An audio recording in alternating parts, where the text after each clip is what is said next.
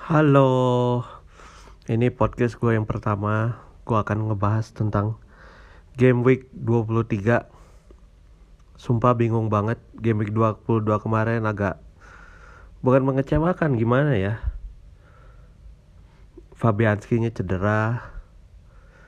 Ternyata gue transfer Fabianski, eh Fabianski-nya malah cedera lagi ya gue udah mau siap-siap buat game week 24 mau double West Ham eh, mau West Ham mau ini West Ham kan double game week.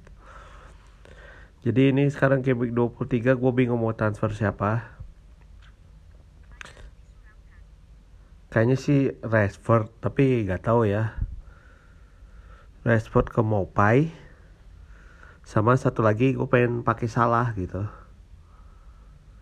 Tadi mau Ayoze Perez tapi nggak cukup ternyata kurang dua dua dua pound. Ya udahlah gak tahu transfernya ya yang pasti kayaknya Rashford harus pergi karena dia akan lawan Liverpool dan kemungkinan besar akan yang nggak akan menang sih.